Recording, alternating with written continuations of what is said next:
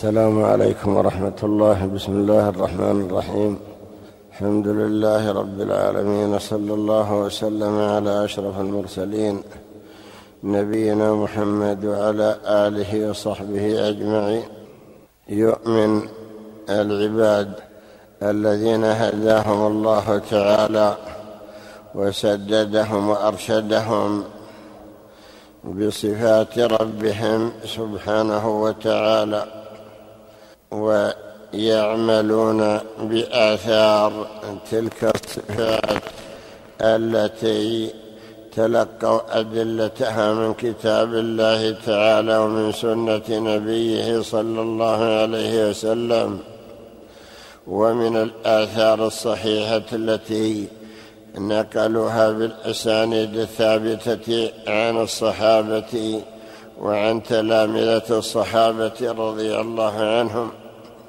ولا شك أن من آثار ذلك الإيمان أن كثرة الأعمال فيؤمن العباد بسعة علم الله تعالى أنه بكل شيء عليم وأنه يعلم ما خفي وما ظهر يعلم السر وأخفى يعلم الجاهر وما يخفى كما دل على ذلك الأدلة من القرآن ومن السنة.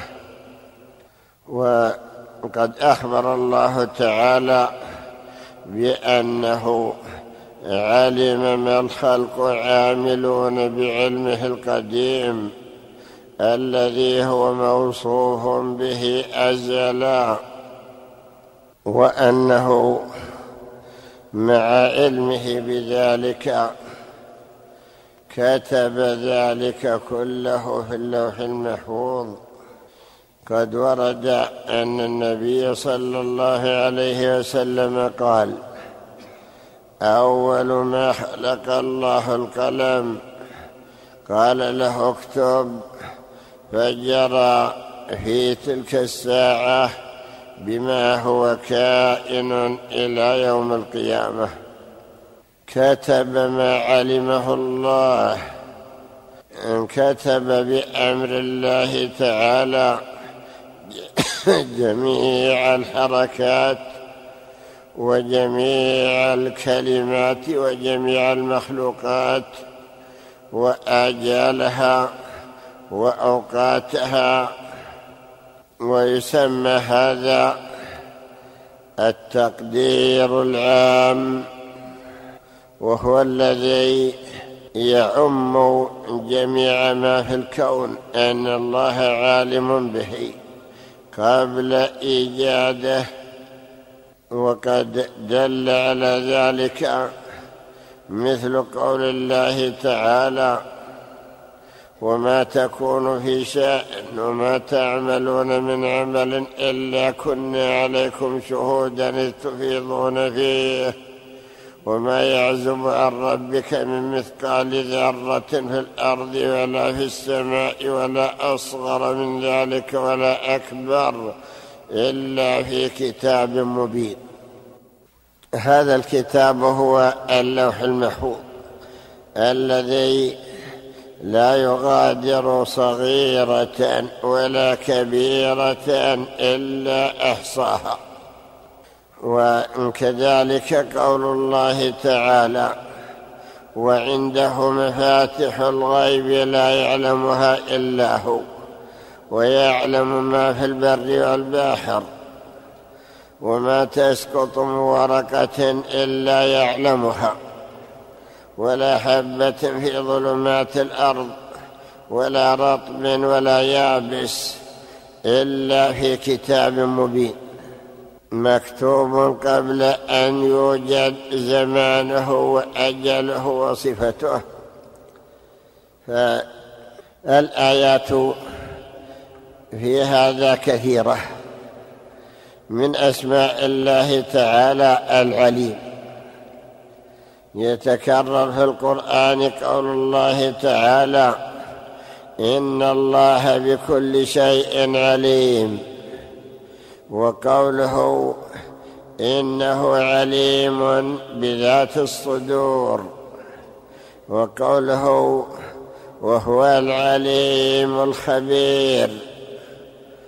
فيكون هذا اسما من أسماء الله الحسنى.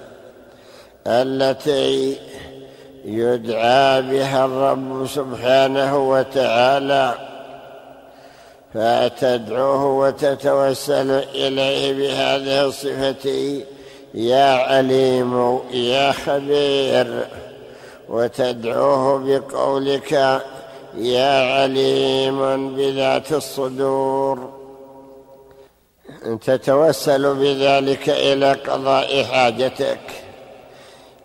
لا شك أن من آمن بسعة علم الله تعالى فإنه يعمل بموجب ذلك. موجب ذلك أن يعمل بالحديث الذي قال فيه النبي صلى الله عليه وسلم أفضل الإيمان أن تعلم أن الله معك حيثما كنت. يراك ويراقبك ويطلع على أسرارك ويعلم ما تكنه في قلبك. من آمن بذلك فلا شك أنه سوف يراقب الله. ويخشاه ولا يخشى أحدا إلا الله. فإذا حدثته نفسه بأمر من الأمور المحرمة فكر وقدر وقال كيف أقدم على هذا الذنب؟ والله تعالى يراني ويعلم ما في ضميري يعلم النيات ويعلم الأسرار ويعلم الخفايا ويعلم ما أجهر به وما أسر به فيحمله ذلك على أن لا يقدم على ذنب. ولو كان صغيرا لأنه يعلم أن ربه الذي يملكه والذي نهاه عن ذلك عالم بما يقوله وعالم بما يفعله. من صفات الله تعالى التي وصف بها نفسه والتي يؤمن بها عباده صفة القرب. أنه سبحانه قريب من عباده. مثل دليل ذلك قول الله تعالى وإذا سألك عبادي عني فإني قريب. روى بعض الأئمة أن رجالا قالوا يا رسول الله أقريب ربنا فنناجيه أم بعيد فنناديه. أنزل الله تعالى وإذا سألك عبادي عني فإني قريب. أجيب دعوة الداعي إذا دعان. والفرق بين النداء والمناجاة. المناجاة لا تكون إلا بكلام خفي. يكون سرا بين اثنين. كما قال تعالى وقربناه نجيا. أي ناجاه ربه. كلاما أسمعه إياه من قرب. وهكذا يعبر بالنجوى عن الكلام الخفي الذي بين اثنين. وأما النداء فيكون للبعيد. إذا قلت ناديته فالمعنى رفعت له الصوت حتى سمعك وأتى. فهذا هكذا قالوا. هل ربنا قريب أم بعيد؟ إذا كان قريبا فإننا نطلبه ونسأله بكلام خفي بيننا وبينه. لا نجهر بالقول فإنه يعلم الجاهر وما يخفى. وإذا كان بعيدا رفعنا الأصوات. فقال الله فإني قريب. ذكر أيضا بعض العلماء في تفسير قول الله تعالى ادعوا ربكم تضرعا وخفية إنه لا يحب المعتدين ولا تفسدوا في الأرض بعد إصلاحها وادعوه خوفا وطمعا إن رحمة الله قريب من المحسنين. فقالوا إن إن الله تعالى قال إن رحمة الله قريب ولم يقل قريبة مع أن الضمير يعود إلى الرحمة لتضمن قرب الراحم تعالى أي إن الله تعالى قريب برحمته قريب ورحمته قريب من المحسنين. فإذا سأل الله العبد رحمته تذكر أنه قريب وأن رحمته قريبة فرغب بعد ذلك في سؤال الله أن يرحمه وأن يغفر له. لا شك أن من آمن بأن الله تعالى قريب مجيب أنه يحمله ذلك على أن يراقب الله يعلم أنه بمرأى ومسمع من الله ويعلم أنه قريب. قريب يرحم عباده أو قريب يعلم أحوالهم قريب يثيبهم ويعطيهم ما يحتاجون إليه. قريب يعذب من عصاه فلا يعتقد العبد أنه بعيد عن ربه فيبارزه بالمعصية ويعتقد أنه لا يعلم شيئا من أمره وأنه ليس بقريب منه. ذكر المفسرون عند قول الله تعالى وما كنتم تستترون أن يشهد عليكم سمعكم ولا أبصاركم ولا جلودكم ولكن ظننتم أن الله لا يعلم كثيرا مما تعملون. فذكر ابن كثير أن ثلاثة من الكفار قليل فقه قلوبهم كثير شحم بطونهم.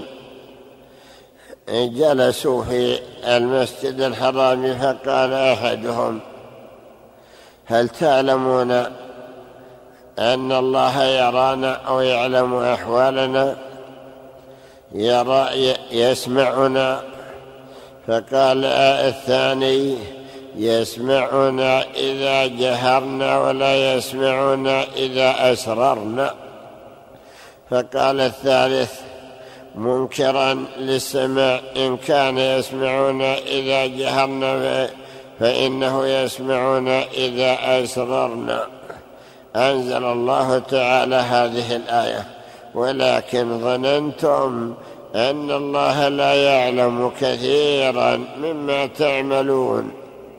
المؤمن لا يظن هذا الظن وذلكم ظنكم الذي ظننتم بربكم أرداكم أي أهلككم فأصبحتم من الخاسرين.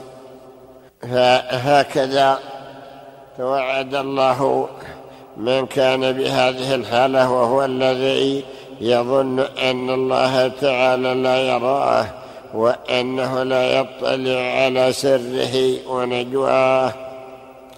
أما المؤمن التقي فإنه يستحضر أن ربه سبحانه يراه حيثما كان ويسمع سره ونجواه ويعلم أحواله ولا يخفى عليه منه خافية. من أسماء الله تعالى التي لها معنى خاص قول الله اسم السميع. أن من أسماء الله السميع وأنه يسمع كل شيء يسمع جهر القول وخفي الخطاب. يسمع دبيبة دبيب النملة السوداء على الصخرة السوداء في ظلمة الليل. قالت عائشة رضي الله عنها سبحان من سمع سبحان من سمع خفي الأصوات. ثم ذكرت أن المجادلة جاءت إلى رسول الله صلى الله عليه وسلم وأخذت تشتكي إلى الله ما حصل بينها وبين زوجها الذي ظاهر منها وقال لها أنت علي كظهر أمي تقول عائشة وإني لفي جانب البيت ويخفى علي بعض كلامها أنزل الله قوله قد سمع الله قول التي تجادلك في زوجها وتشتكي إلى الله والله يسمع تحاوركما. إن الله سميع بصير. ذكر الفعل بالماضي سمع الله وذكره بالمضارع والله يسمع تحاوركما. وذكر من أسمائه السميع البصير. وسع سمعه الأصوات يسمع جهر القول وخفي الخطاب. إذا آمن العبد بأن ربه سبحانه سميع وأنه يسمع كل شيء جهرا أو اخفاء فإن ذلك يحمله على أن لا لا يتكلم بسوء ولو كان سرا بل يكون كلامه كلاما حسنا كلاما مفيدا لأنه يعلم أن ربه سبحانه سوف يثيبه وسوف يجازيه على هذا الكلام ويعلم أن ربه يسمعه ولا يخفى عليه منه خافية. يسمع كلماته ونبرات وحركات لسانه. ويعلم أن الله تعالى يثيبه على ذلك. وإذا عرفنا أن ربنا سبحانه عليم بكل شيء فإنه مع ذلك قد أحصى أعمال العباد ولم يغادر منها شيئا صغيرها وكبيرها. حتى قال تعالى وإن كان مثقال حبة من خردل أتينا بها. حبة الخردل من أصغر ما يتصور من الحبات حبة الشجر وقال الله تعالى إنها إن تكن مثقال حبة من خردل فتكن في صخرة أو في السماوات أو في الأرض يأتي بها الله. إن الله لطيف خبير. أحصى أعمال عباده وحفظها ولا يغادر شيئا ولا ينسى وما كان ربك نسيا. يعلم العبد أن اعماله محصاه عليه أيا كانت ولو حبة خردل ولو ذرة. كما يقول تعالى إن يقول تعالى فمن يعمل مثقال ذرة خيرا يره ومن يعمل مثقال ذرة شرا يره. فلو كان الله تعالى تاركا شيئا لا عفى عن الذرة وعن الخردلة ونحوها مما يدل على أنه سبحانه لا يضيع من أجر من أحسن عملا. فهذه الصفات وما أشبهها تزيد العبد إيمانا. وتحمله على أن يعمل بموجبها وأن يستحضر قرب الله وسمعه وبصره وعلمه ومحاسبته ومراقبته للعبد في كل حالاته فلا يقدم على ذنب وهو يعلم أنه مكتوب عليه وأنه سوف يحاسب عليه ولا يعصي ربه طرفة عين وهو يعلم أن ربه يراه وأنه يطلع على همته وعلى نيته وعلى ما يجول في نفسه. فمتى كان كذلك؟ فإن الرب سبحانه وتعالى يثيب عباده ويجازيهم بأعمالهم ولا يضيع أجر من أحسن عملا. ومع ذلك يعتقد أن الله تعالى عفو غفور رحيم وأن رحمته سبقت غضبه وأنه يعفو عن العباد ويتجاوز عن سيئاتهم ولكن لا يحمله ذلك على أن يتجرأ على السيئات ويكثر منها ويعتمد على الرحمة.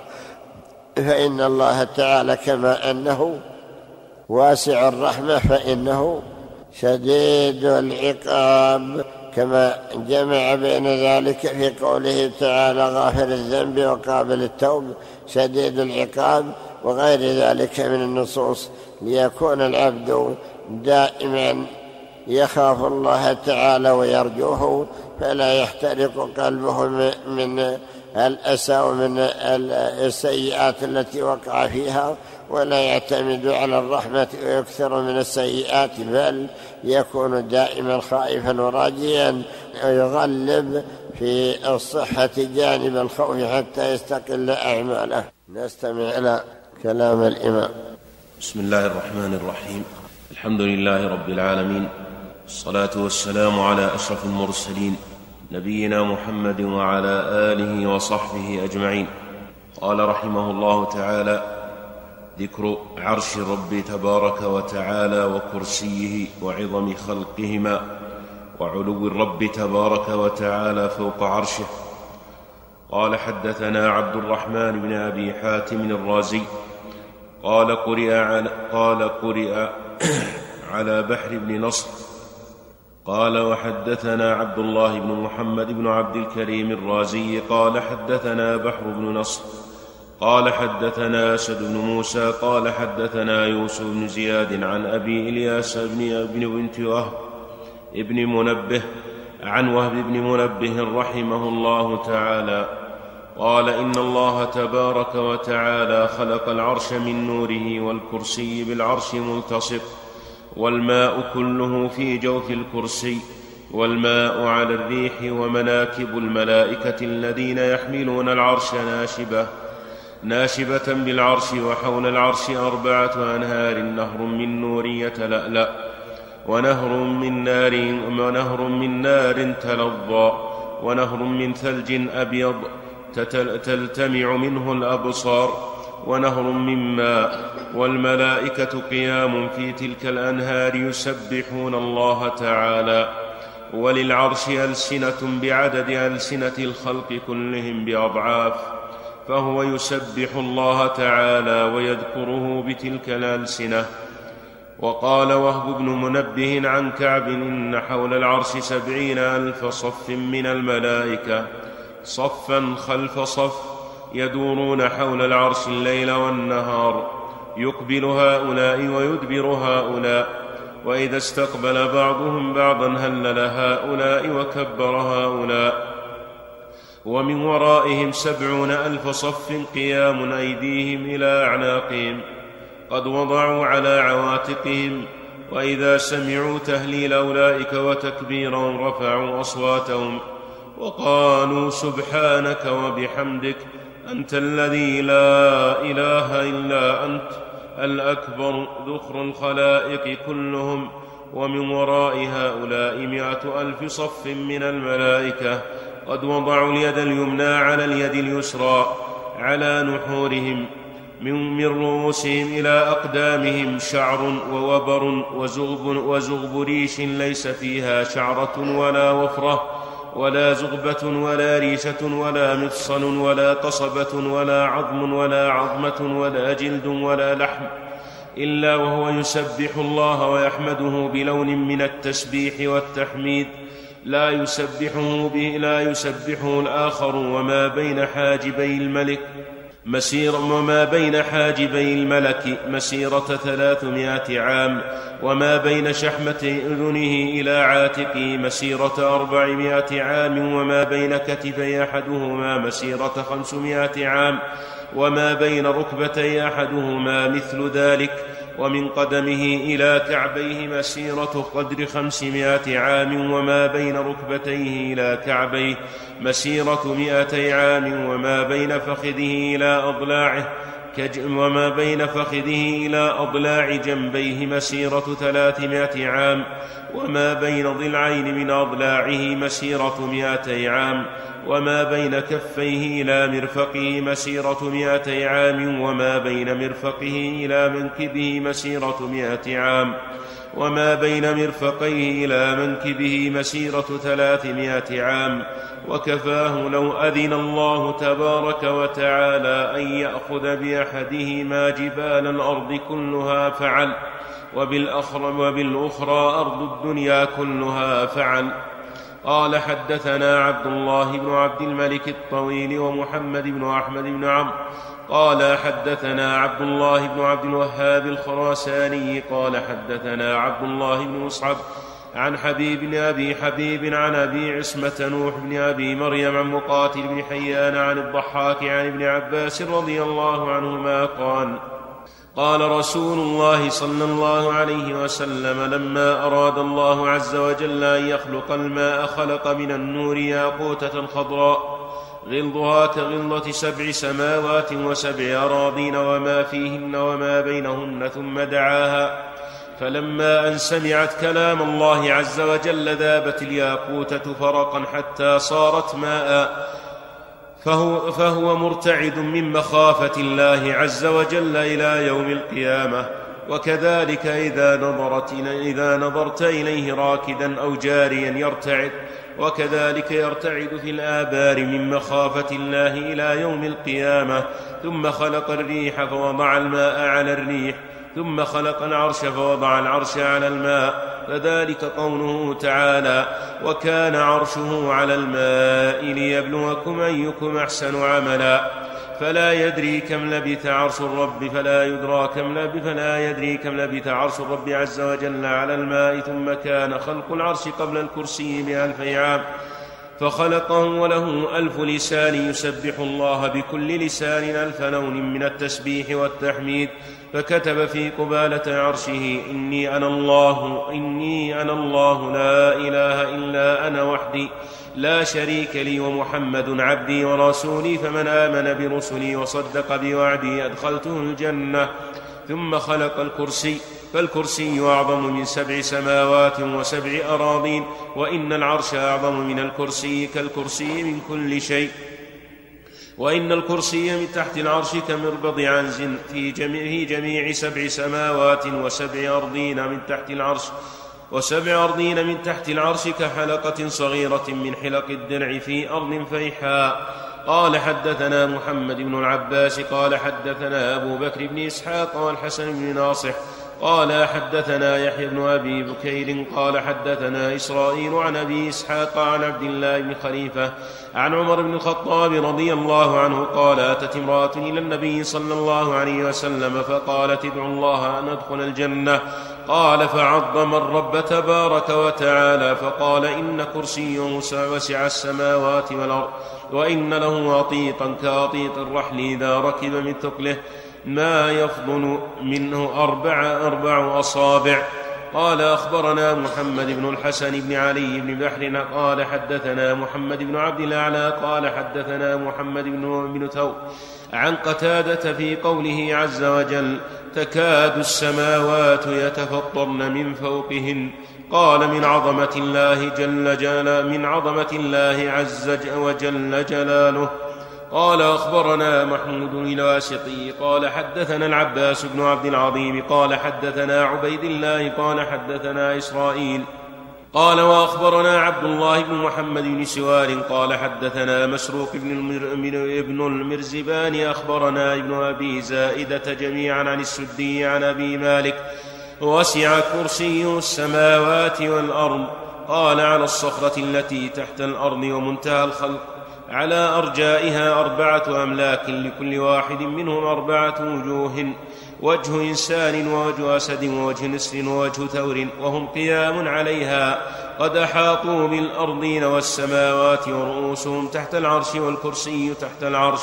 والله عز وجل على الكرسي. قال حدثنا محمود بن محمد الواسطي قال حدثنا العباس بن عبد العظيم قال حدثنا إسحاق بن منصور.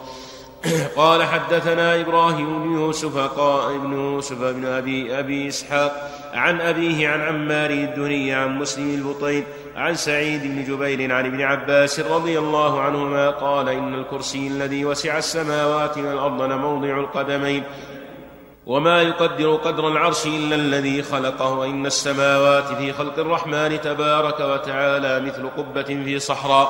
قال حدثنا محمد بن محمد بن العباس قال حدثنا محمد بن المثنى.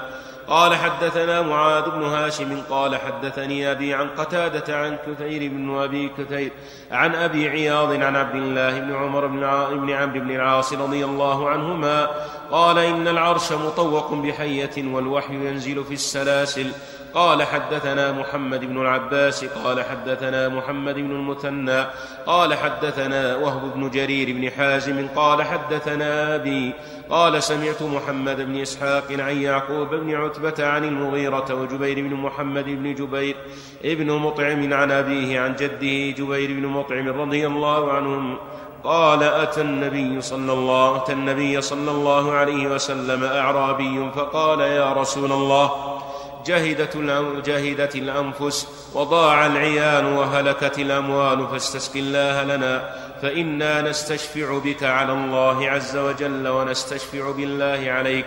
فسبح رسول الله صلى الله عليه وسلم فما زال يسبح حتى عرف ذلك حتى حتى عرف ذلك في عرف ذلك في أصحابه ثم قال ويحك تدري ما الله إن عرشه على سماواته وعرضيه وهكذا مثل القبة وإنه يئط به أطيط الرحل بالراكب. قال حدثنا محمد بن العباس قال حدثنا أبو كريب قال حدثنا محمد بن خازم قال حدثنا الأعمش.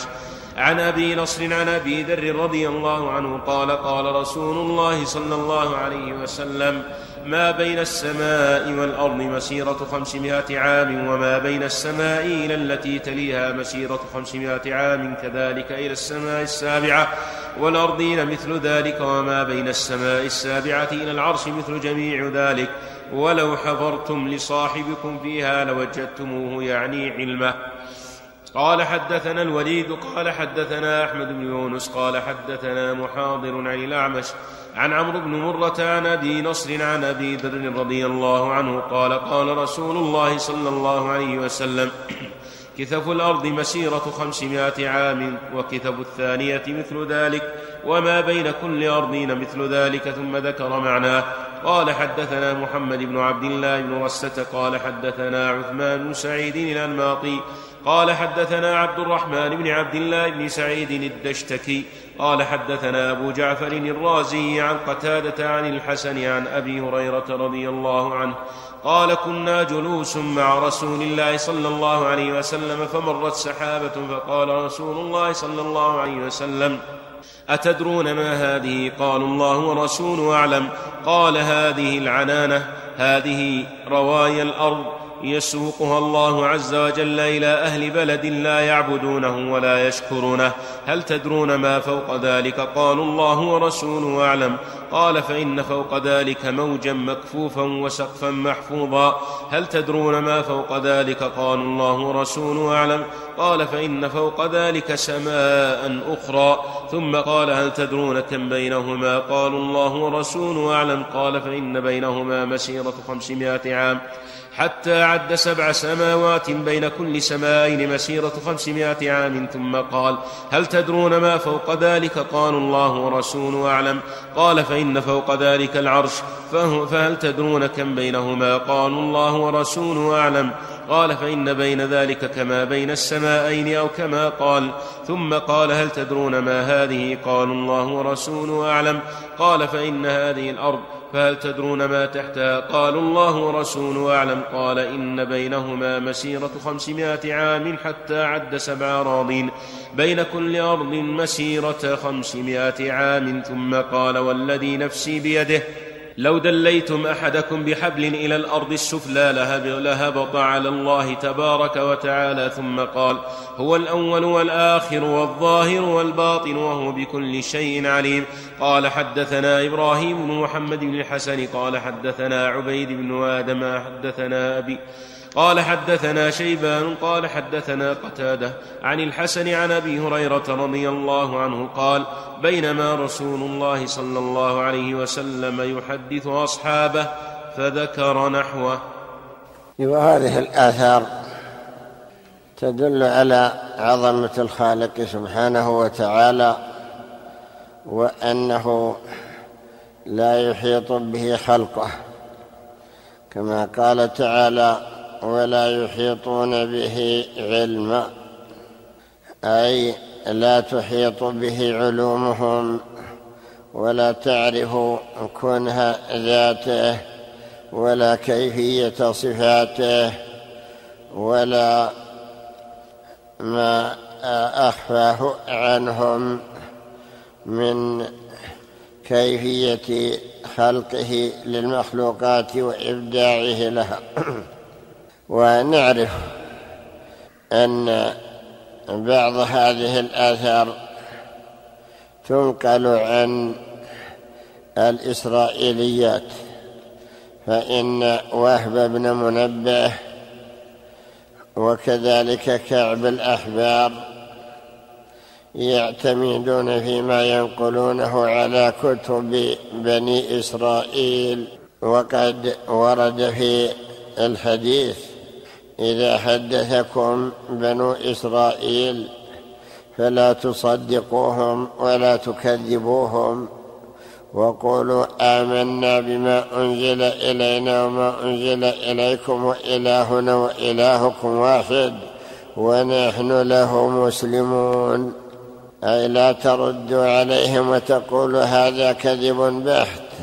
مخافة أن يكون حقا فتكذبون به وهو حق. ولا تصدقوا ما جاءوا به. مخافة أن يكون كذبا لا أصل له فتصدقون بما هو كذب. وقد انقسم العلماء الآثار التي تروى عن كعب ووهب ونحوهما. إلى ثلاثة أقسام. قسم يشهد شرعنا بكذبه فهذا نرده ولا نقبله. وقسم يشهد بصدقه وبموافقته فهذا نقبله ونصدقه ونعمل به ونعتقده. وإن كنا أيضا في غنى عنه بما جاء في كتابنا وقسم نتوقف فيه وهو الذي لا يدل دليل على صدقه وعلى كذبه.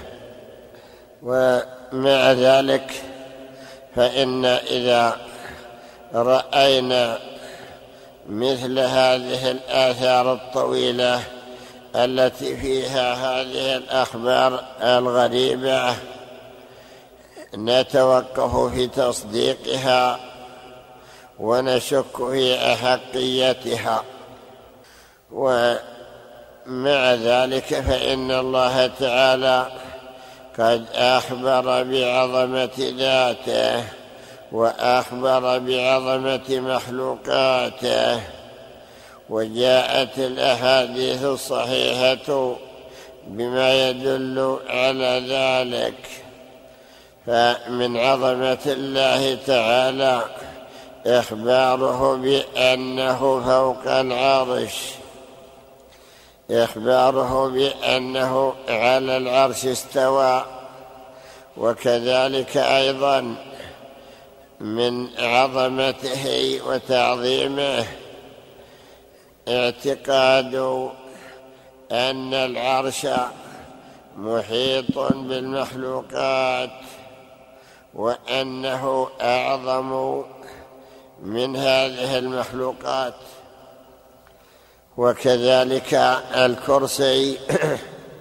فقد قال الله تعالى وسع كرسيه السماوات والأرض وقد قيل إن الكرسي هو العرش نفسه وقيل إن الكرسي موضع القدمين وقيل إن الكرسي كالمرقاه بين يدي العرش. وجاء في حديث ما السماوات السبع والأرضون السابع في الكرسي؟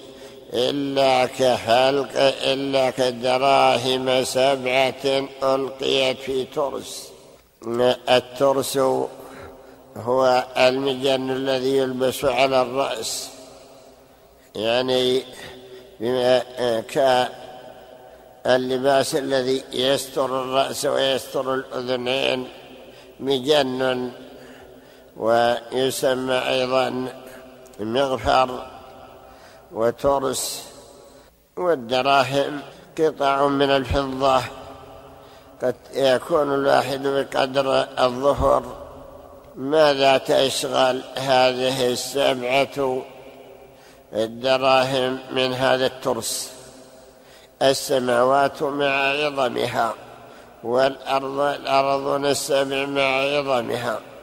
نحن لا نشاهد إلا أرضا واحدة. الله أعلم ببقية الأراضين السابع وكذلك السماوات.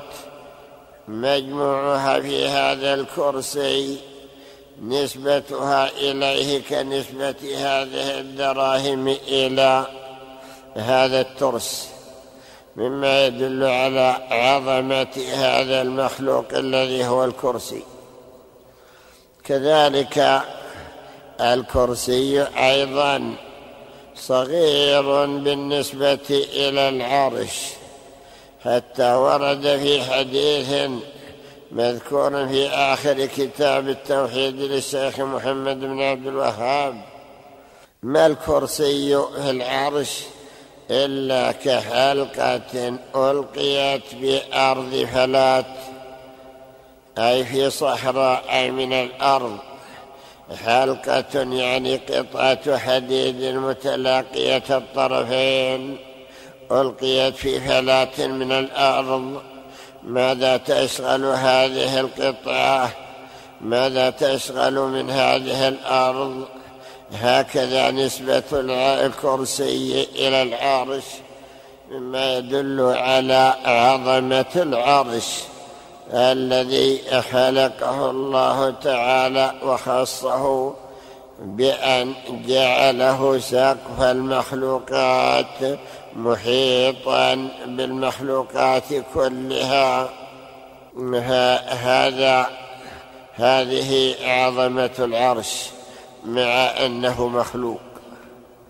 فكيف بعظمة من خلقه؟ الخالق الذي هو خالق كل شيء.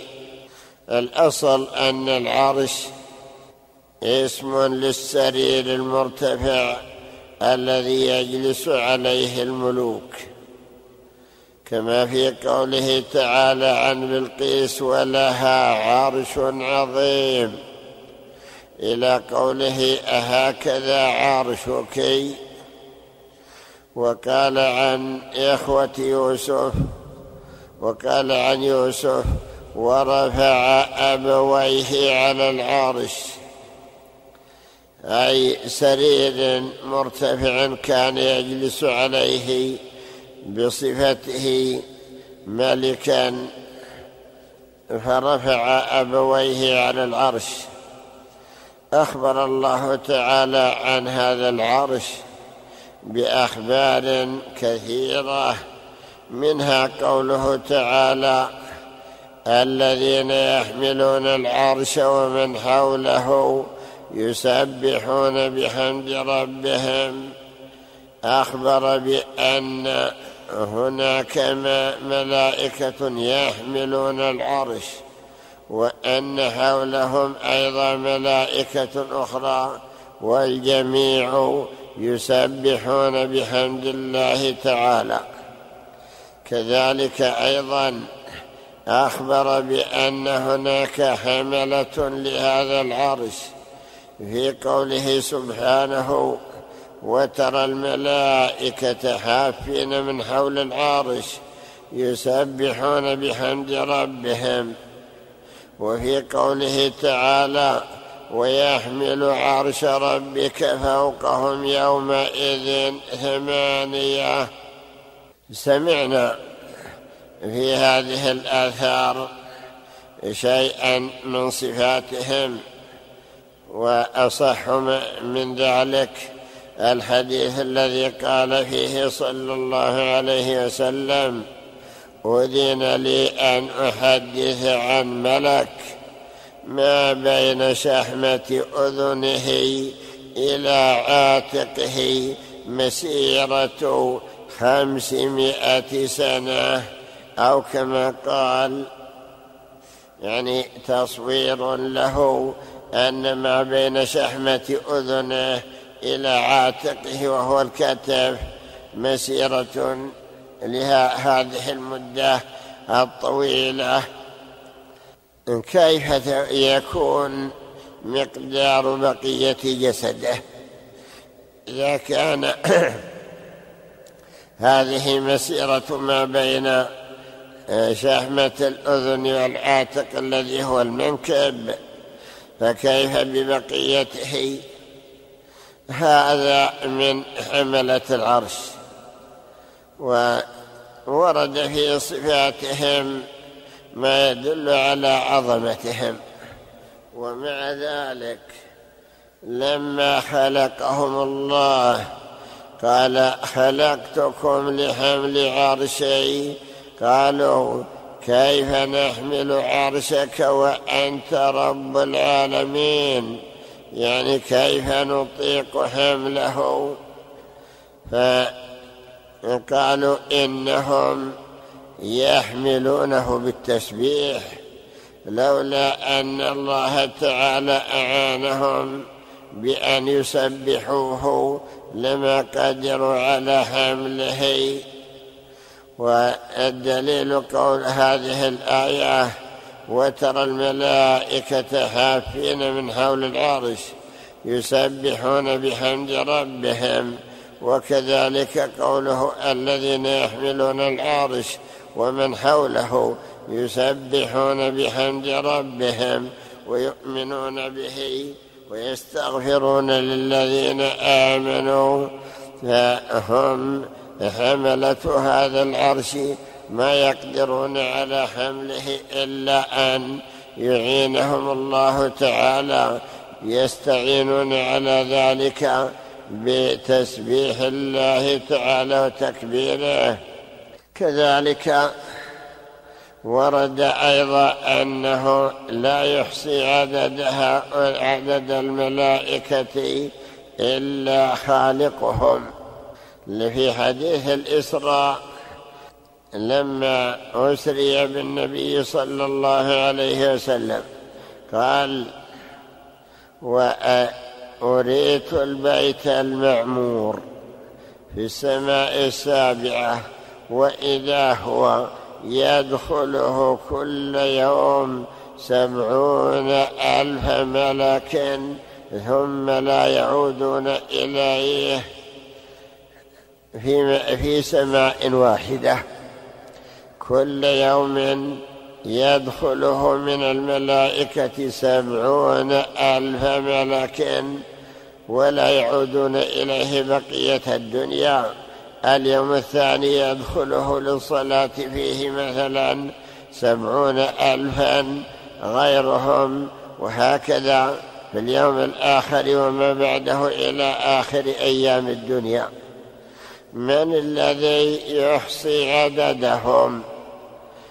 لا يحصي عددهم إلا الله ولأجل ذلك لما نزل قول الله تعالى سأصليه سقر وما أدراك ما سقر. لا تبقي ولا تذر لواحة للبشر عليها تسعة عشر.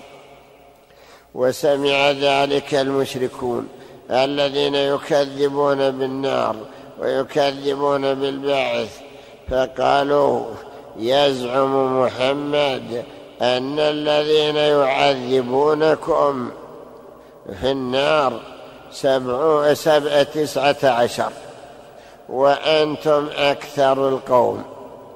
أفيعجز كل مئة منكم عن واحد منهم؟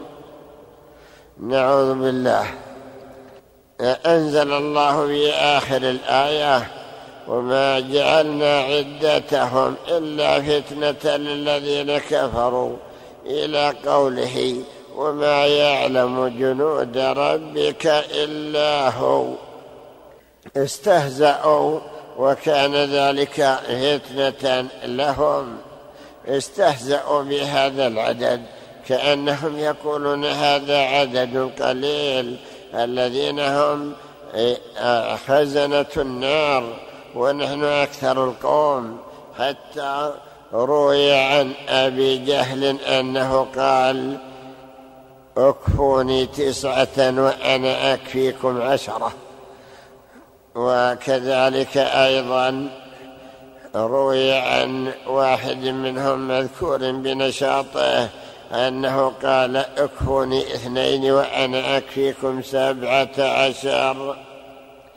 قد اشتهر أن أبا جهل قال أتدعون محمدا؟ يسجد أمامكم في البيت وأنت في المسجد وأنتم ترونه. لئن رأيته لأسدخن رأسه. يقول فلما أن سجد جاء بصخرة كبيرة ولما أقبل بها ذهل وفزع وجاء مذعورا خائفا. فقيل له ماذا رأيت؟ لماذا؟ وإذا يداه قد يبست على تلك الصخرة. فأخبر بأنه رأى شيئا هاله. فقال صلى الله عليه وسلم ذلك ملك أو تلك ملائكة لو جاء لاختطفته. ورد في صفة خزنة النار الذين ذكر أنهم سبعة عشر. قال بعض العلماء سبعة عشر ألفا. وقيل إنهم سبعة عشر ملكا. ولكن قبضة الملك الواحد منهم يقبض مئة ألف من الناس ويلقيهم في, في النار كأنهم ذر أو نحوه وأن ما وأن عظمهم لا يحصي أو لا يعرف مقدار عظمتهم. إلا خالقهم سبحانه وتعالى فالذي خلق هؤلاء المخلوقين على هذه الصفة هو الذي الذي يجب أن يعبد ويحمد ويعظمه الخلق. وقد أخبر الله تعالى بكثرة من خلقه من عباده ومنهم الملائكة كما في قوله تعالى فإن استكبروا فالذين عند ربك يسبحون له بالليل والنهار وهم لا يسمون يسبحون له بالليل والنهار وله يسجدون. الذين عند ربك يعني الملائكة. ولا يحصي عددهم إلا الله. ورد في حديث قال صلى الله عليه وسلم أطت السماء وحق لها أن تأط ما فيها موضع أربع أصابع إلا وملك قائم أو راكع أو ساجد. ومعنى أطت يعني صار لها أطيط أي لها صوت من ما عليها مع عظم هذه السماوات. قد سمعنا ما يدل على عظمة السماوات وكذلك بقية المخلوقات. فإن هذه السماء بيننا وبينها مسيرة خمسمائة سنة. بيننا وبين السماء الدنيا وكذلك أيضا كل سماء بينها وبين السماء التي تليها هذا هذه المسافة. فإذا علم العبد عظمة هذه المخلوقات علم بذلك عظمة من خلقها. والله أعلم.